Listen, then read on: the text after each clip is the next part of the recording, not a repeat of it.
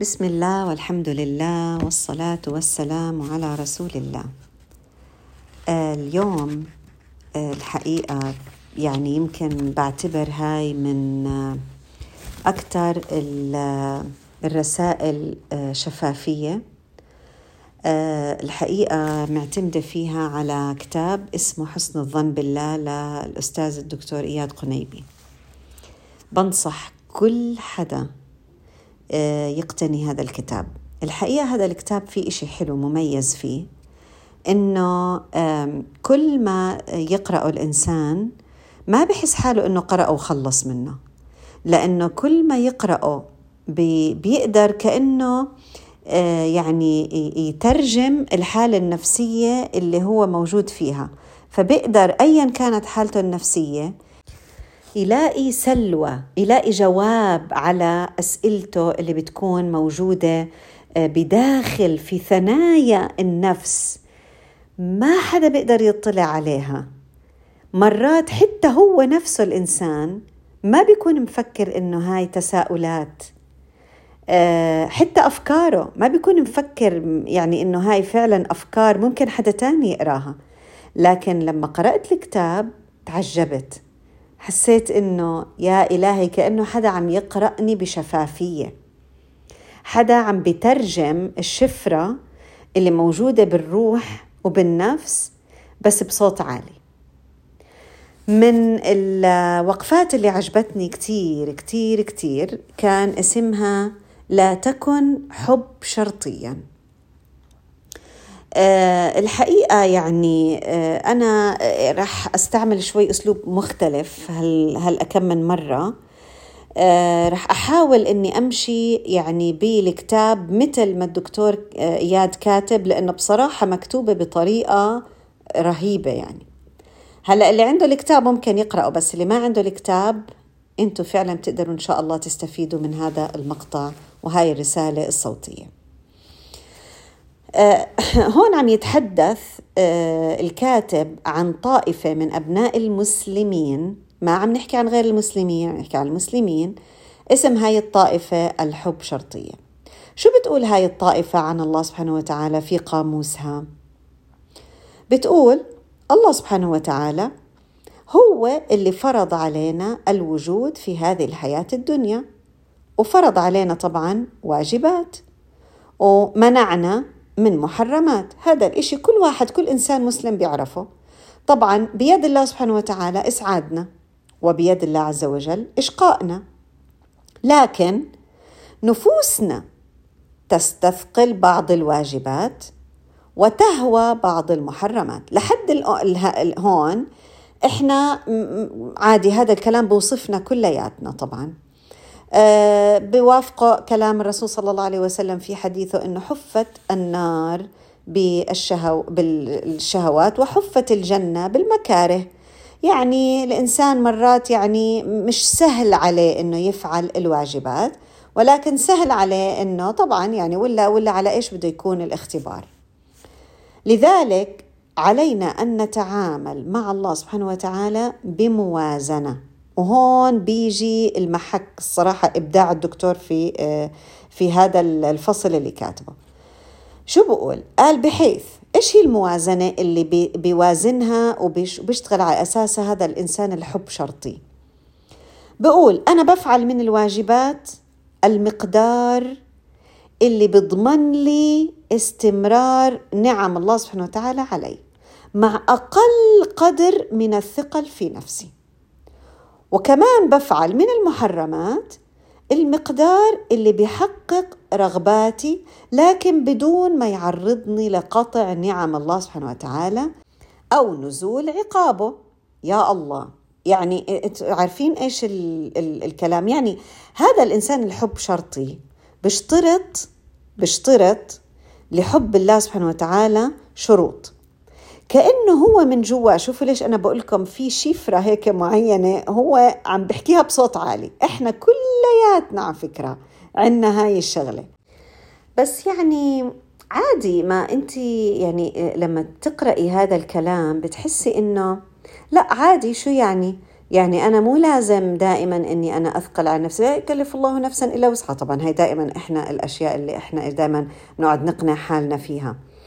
آه، هل يا ترى تعريف الموازنة هذا آه، آه، لعلاقة الإنسان بربه تعريف سليم هل هيك ينبغي أن يسلم الإنسان نفسه وعاطفته لله رب العالمين؟ سؤال هل أنتم شايفين إنه هاي العلاقة أو هذا الوصف لهاي العلاقة كتير بعيد عنكم ولا قريب منكم؟ بيقول الدكتور إياد إنه في الواقع كثير من جموع العالم الإسلامي لا يقولون ذلك بألسنتهم لكن لسان الحال أبلغ من لسان المقال. يعني بدها لحظة صدق. لو كل واحد فينا صدق وفي وصف علاقته مع الله سبحانه وتعالى أكيد حيؤدي ذلك إلى تحسين العلاقة. بتعرفوا شو أهمية أنه تتحسن علاقتنا بالله عز وجل وما نضلناش في المنطقة الرمادية؟ أنه إحنا حنشعر في السعادة في سعادة الحياة الدنيا. لأنه أجمل ما في الحياة الدنيا هو رضانا عن الله عز وجل.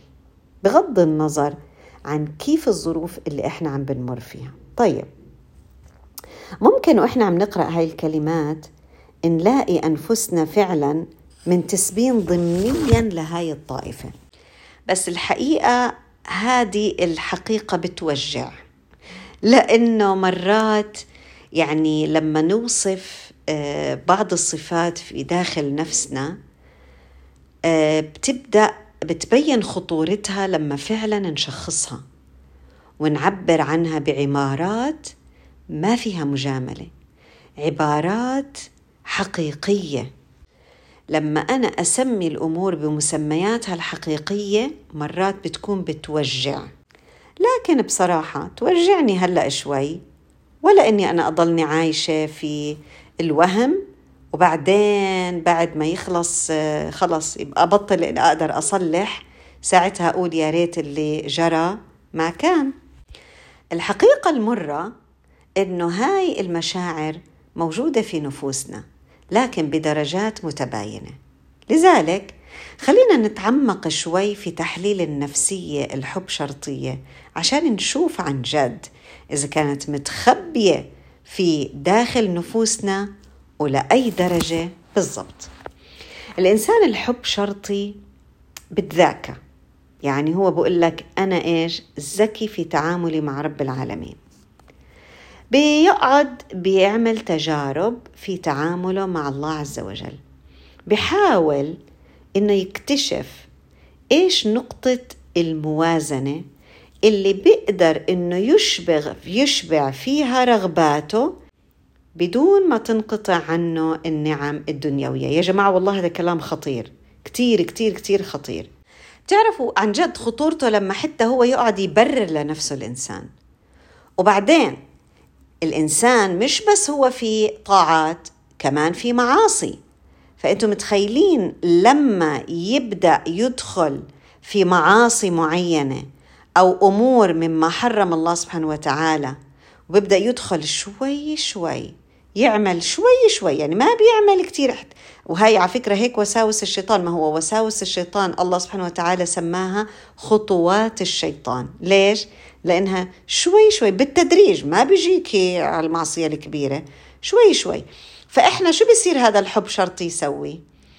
أو الحب شرطية اللي موجودة في داخلنا يعني اللي إحنا إن شاء الله بدنا نحاول إنه إحنا نعالجها بإذن الله تعالى.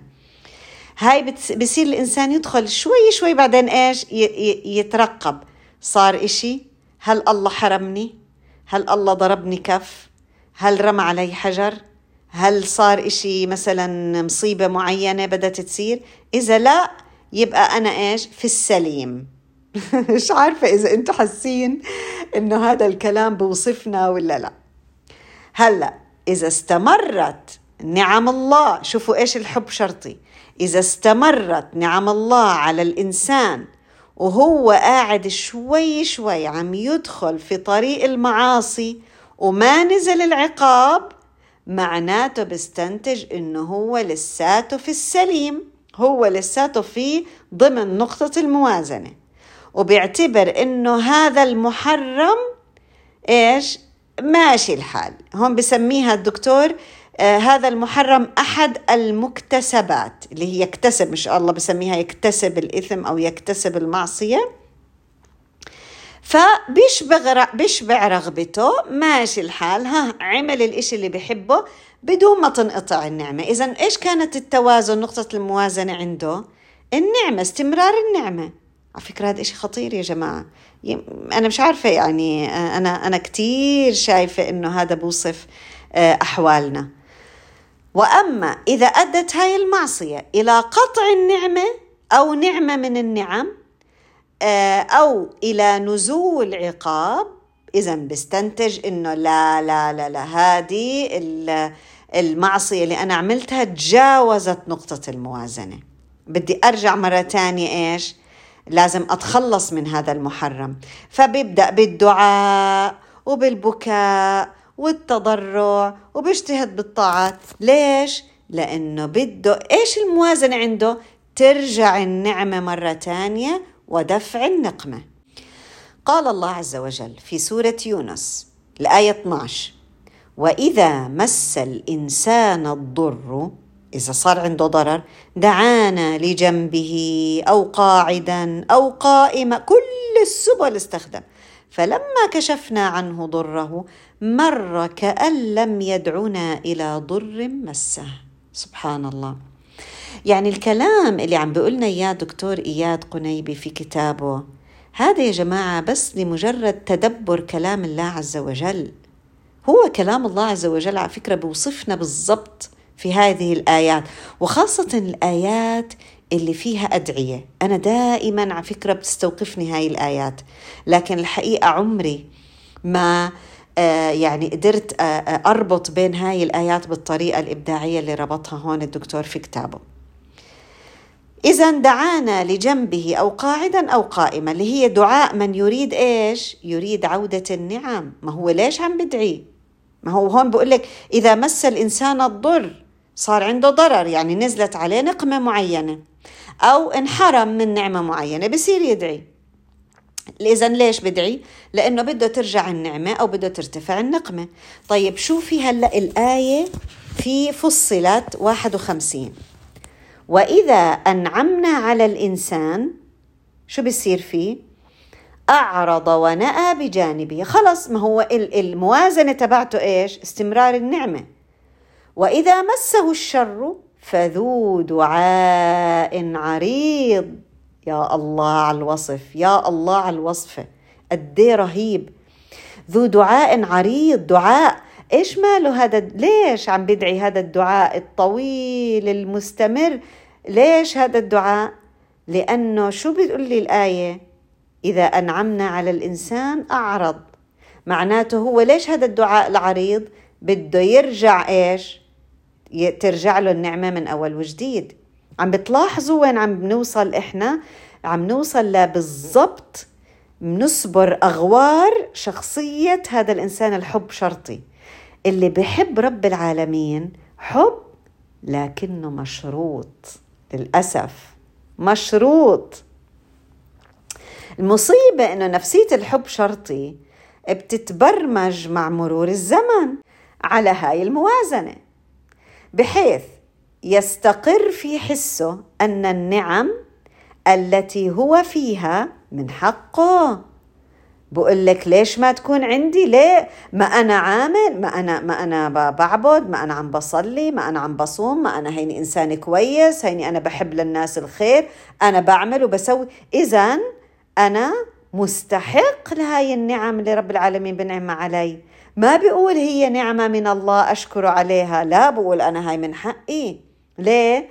لأني أنا بعمل. ما هو هاي هي ما هذا هو الشرط. هذا هو الإنسان الحب شرطي. شوف الآية.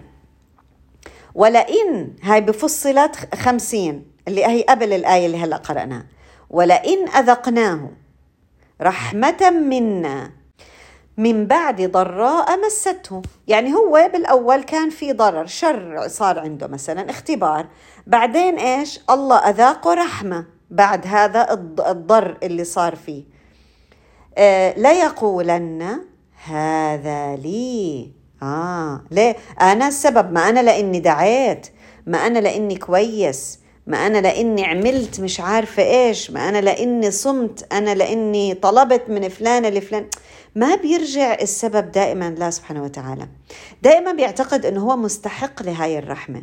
يعني هو السبب يعني يستحقها يعني هو السبب. فوفقا لهاي الموازنة فإن الحب شرطي يحب الله تعالى طالما أنه يمكن استمرار نعم الله ودفع نقمه. طالما هو هيك هو يحب الله. إذا يعني مثل المد والجزر. لذلك سماه الدكتور إياد حب حب شرطي. يعني يحب الله عز وجل حب مشروط. مشروط بإيش يا ترى؟ مشروط بإيش؟ إيش هو الشرط عشان أنا أحبك يا رب؟ الشرط هو استمرار النعم. يا جماعة والله هذا هذا كلام خطير. مشروط باستمرار المصالح الدنيوية خاصة. ملاحظين أنا أنا بس بدي إياكم يعني تربطوا هذا الكلام باللي عم بيصير هلأ في طوفان الأقصى واللي عم بيصير مع أهل غزة. عشان عن جد حنوصل هلأ لنقطة نعرف بالضبط ليش إحنا حتى مو قادرين نستمر في تفسيرنا للي عم بيصير على أرض الواقع. خلص مش قادرين. يعني إحنا حاسين إنه لأ خلص أكثر من هيك يعني في إشي في إشي خلص مش قادرين نستمر. بدأ يصير بدأنا ندخل في الايش الإحباط. في علاقتنا في الحب. مع إنه إحنا إيش وصلنا لو للقمة لما إحنا في يوم يعني في البدايات. في البدايات كأنه حسينا إنه النصر خلص إجا. وهلأ خلص إحنا مش رح نشوف هزيمة. وإحنا بنحبك يا رب. وشفتوا كيف؟ وشفتوا يا جماعة إحنا بدنا وصرنا نحلم في الأقصى ونرجع على الأقصى. بس بعدين إحنا ما حسينا إنه هالقد يعني بدنا ندفع الثمن. إنه يعني هذا هذا تو ماتش هيك عم نحس. إنه لا لا لا لا. كأنه يعني إنه إحنا بدنا نرجع الأقصى وإحنا بدنا نشوف هذا اليوم. وليش ما نشوفوش هلأ؟ وصرنا إيش؟ صرنا ندور على الأحاديث اللي بتتحدث عن إرجاع الأقصى. وصرنا آه، آه، آه، صلاح الدين الأيوبي ولما استلم عمر بن الخطاب المفاتيح دخلنا في المود اللي هو تبع النصر. بس إحنا صرنا نشوف قتل قتل قتل مش ألف ألفين ثلاثة عشرين. يعني إيش اللي عم بيصير؟ طب إحنا يا رب طب بلاش إحنا. طب هم طب ما هم ناس كويسين. طب ما هم ناس يا رب بيحبوك وبيعبدوك واصلا كانوا أصلا يعني مش عايشين أصلا مش شايفين هالحياة الدنيا. طب هو إيش اللي عم بيصير؟ Stay tuned. هلأ حنعرف إيش اللي بيصير. آه هون بقول لي طالما في استمرار مصالح دنيوية في نفسية هذا الحب شرطي شوفوا إيش؟ قلما تتذكر الآخرة. كيف يعني؟ هون هاي هي المحك. هذه هي نقطة المحك. وهذا هو الفرق بيننا وبين الحقيقة اللي عم نشوفه على الساحة من أهل غزة. خلينا نقول من الغالبية ما شاء الله لأنهم هم بشر يا جماعة. يعني إحنا يعني إحنا كلنا بشر. في ال ال ال الإنسان مرات بيضعف ومرات بيكون ما شاء الله يعني في في قمة الصبر. مش كلياتنا مش لأنهم هم يعني موجودين في غزة يبقى الكل رح يورجينا يعني نفس الدرجة من الصبر. يعني سبحان الله لكن نسأل الله سبحانه وتعالى إنه يتقبل منهم ويتجاوز عن سيئاتهم ويجعلنا إحنا نتعلم منهم يعني هذا الصبر. سبحان الله هلأ بقول لي هون آه الإنسان هذا الحب شرطي. أنا بحبك يا رب طالما إيش؟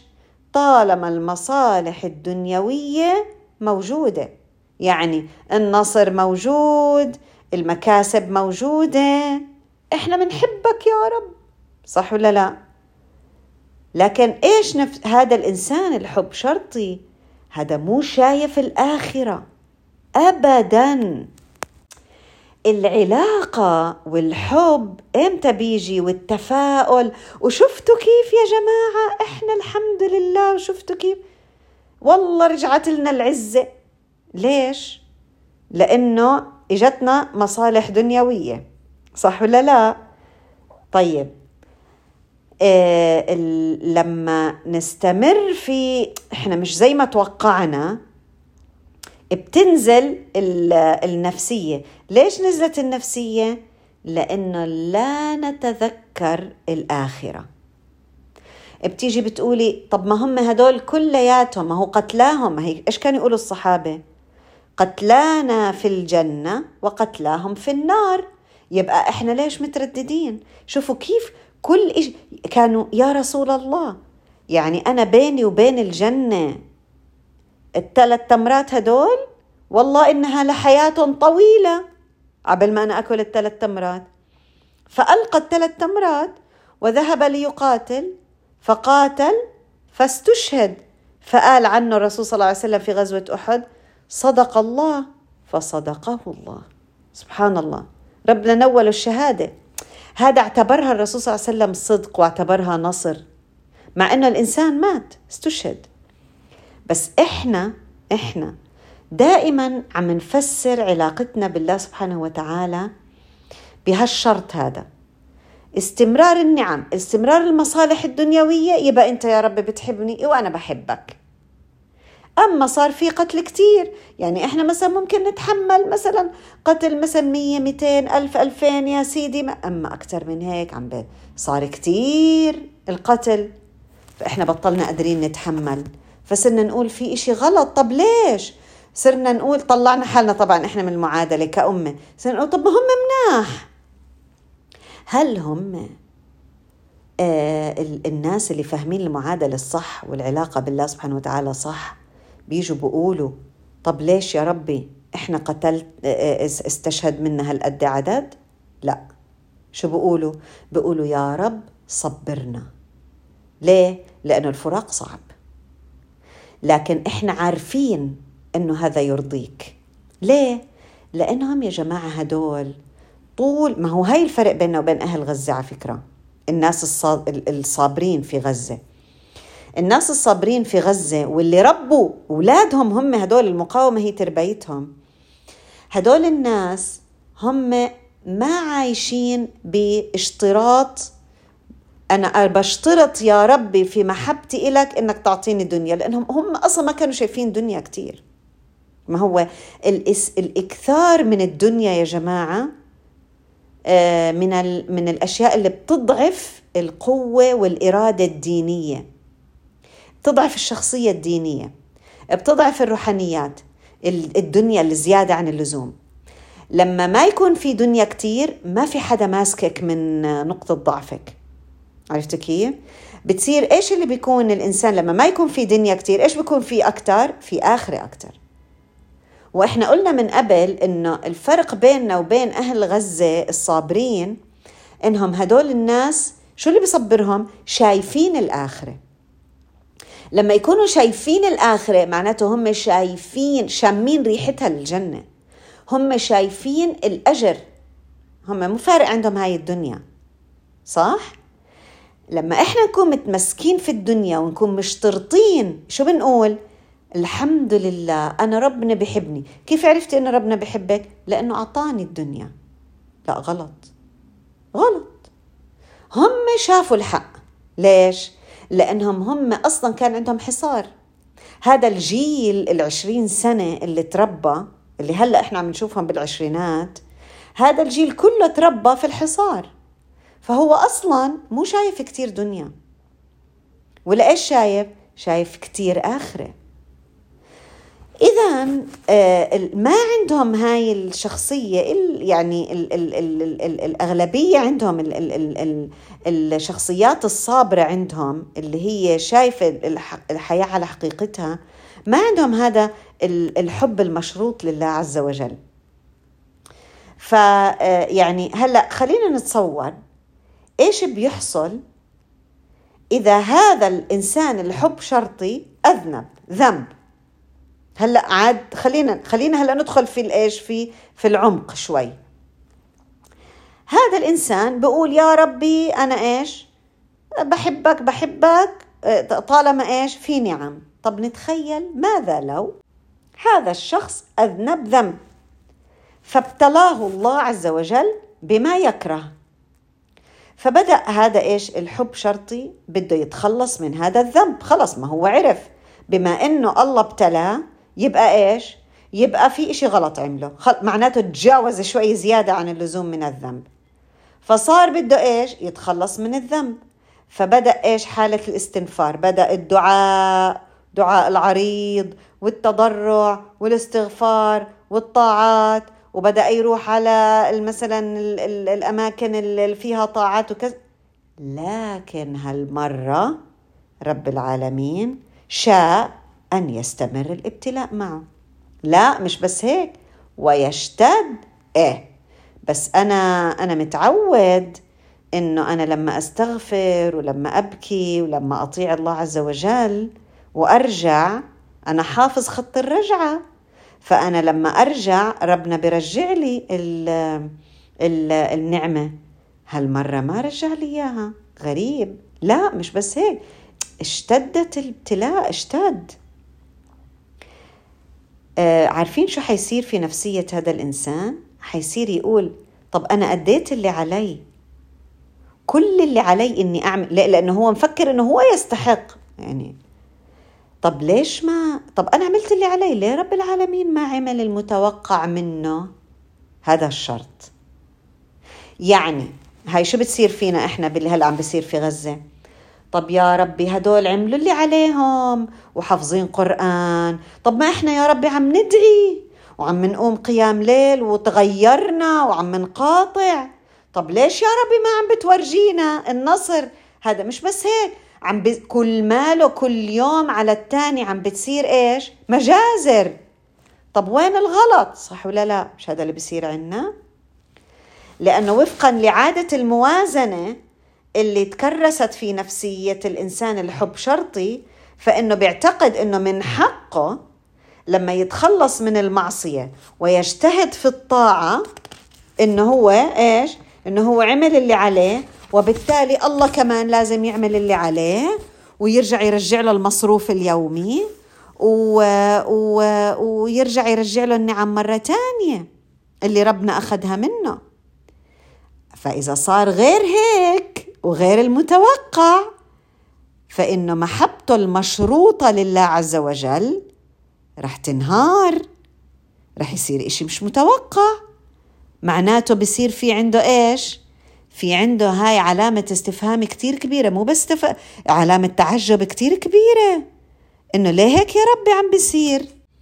لأنه هي أصلا أسست على شفا جرف نهار فانهار به. هذا الأساس. عم تنهار العلاقة. لأنه العلاقة مش مزبوطة يا جماعة. علاقتنا بالله عز وجل مش مثل علاقتنا مع البني أدمين ابدا. وإن كان مرات إحنا بنيجي بنقول ولله المثل الأعلى في بعض الأحيان ممكن إنه إحنا نيجي نحاول نفهم شوي من العلاقة. لكن عمره شوفوا إحنا بيننا وبين البشر لو أنا مثلا بعطيكي آه، أو أنت مثلا بتعطيني أشياء أنا بحبك. آه، وقفي هاي الأشياء بتقل المحبة. إذيني لا أنا محبة؟ أنا بس أصلا بشطب عليكي شلتك من السجل تبعي كلياته. مع رب العالمين ما بينفع نعمل هيك. لأنه رب العالمين لا تقاس محبته بالنعم. لا تشترط محبة الله عز وجل في النعم. إن بنت هاي العلاقة على هالأساس الحب شرطي على أساس فهم مشوه لعلاقة الإنسان بربه. طب ولا يا ترى إحنا على أي أساس لازم نبني حبنا لله عز وجل؟ حتى ما ينهار هذا الحب في أي لحظة من اللحظات عشان نضلنا زي هدول الناس. شفتوا آه آه وائل الدحدوح؟ وائل الدحدوح آه والله العليم يمكن لو إحنا عم نوصف الصحابة أيام الرسول صلى الله عليه وسلم بالعنفوان والشدة والصدق ولا نزكي على الله أحد ويعني نحسبه كذلك والله حسيبه. إنه صحابة العصر هيك بيكونوا. مع إنه يا جماعة يعني إحنا يمكن نفكر إنه الصحابة هم كانوا في دائما في المسجد النبوي. إحنا هيك نتخيل نتخيل الصحابه يعني في المسجد النبوي أو حواليه. أما إنهم يكونوا صحفيين يكونوا ناس في الإعلام يكونوا والله هذا الإنسان يعني إذا بدنا نشوف عكس الحب شرطي هو تتمثل في شخصية الأخ وائل الدحدوح. و وياما ياما الشخصيات اللي بتشبه هاي الشخصية. لكن هاي الشخصية اللي ظهرت أمامنا الآن لكن ياما في وائل دحدوح ويمكن ناس أثبت من ذلك. ولكن إحنا عم نشوف قدامنا الحقيقة جبل جبل من الإيمان. هذا الشخص يعني هو ممكن يقول يا رب أنا عملت اللي علي وعم بحاول أنا عم بحاول أوثق الحق. أنا عم بحاول إني أنشر العدل يا رب اللي أنت ال ال عم بنشر صورة ال ال يعني ما يفعله العدو. آه عم بحاول أنشر صوت الحق ولكن أخذت لي ولادي وزوجتي وبيتي وعيلتي وصبت وأصحابي وكل هذا وهو مضمد جراء وهو بجروحه. وبيرجع بيمسك الميكروفون عشان يكمل رسالته. يا ترى هل بتخيل واحد مثل هذا الإنسان يقول ليش يا رب عملت لي هيك مع إني أنا أستحق إنك أنت ترجع آه، ترجع نعمك علي؟ ليش عم بيستمر الابتلاء علي؟ ما عمل هيك. والدليل استمراره. هل وائل الدحدوح انتصر ولا هزم طبعا بعيون العدو المريض بيعتقد إنه هو عم بيهزمنا لكن بعيون وائل الدحدوح عم بيقول لرب العالمين يا رب ضرب الحبيب زبيب. شو ما تعمل فيي فهو عدل وسأستمر سأستمر في طاعتك وسأستمر في عملي في رصد الحقيقة ليش؟ حتى أقابلك وأنت راضي عني ليه؟ لأنه هذا هو الإنسان اللي بينظر لعلاقته بالله عز وجل على أساس الآخرة في الحسبان مش ابدا على أساس اشتراط النعم ولا دوام النعم هذا هو الإنسان اللي بيقول اللهم ما زويت عنا مما نحب فاجعله فراغا لنا فيما تحب. يعني إذا أنت يا ربي أخذت منا نعم من اللي إحنا بنحبها اجعلها مجال إلنا فراغ حتى إحنا نعمل اللي أنت بتحبه يا رب. سبحان الله. آه لكن السؤال اللي بيطرح نفسه يا ترى على أي أساس إحنا لازم نبني علاقتنا بالله؟ وإيش هو الأساس الصحيح؟ هذا هو اللي رح نحكيه مع بعض إن شاء الله في الرسالة القادمة بإذن الله عز وجل. أترككم على خير والسلام عليكم ورحمة الله وبركاته.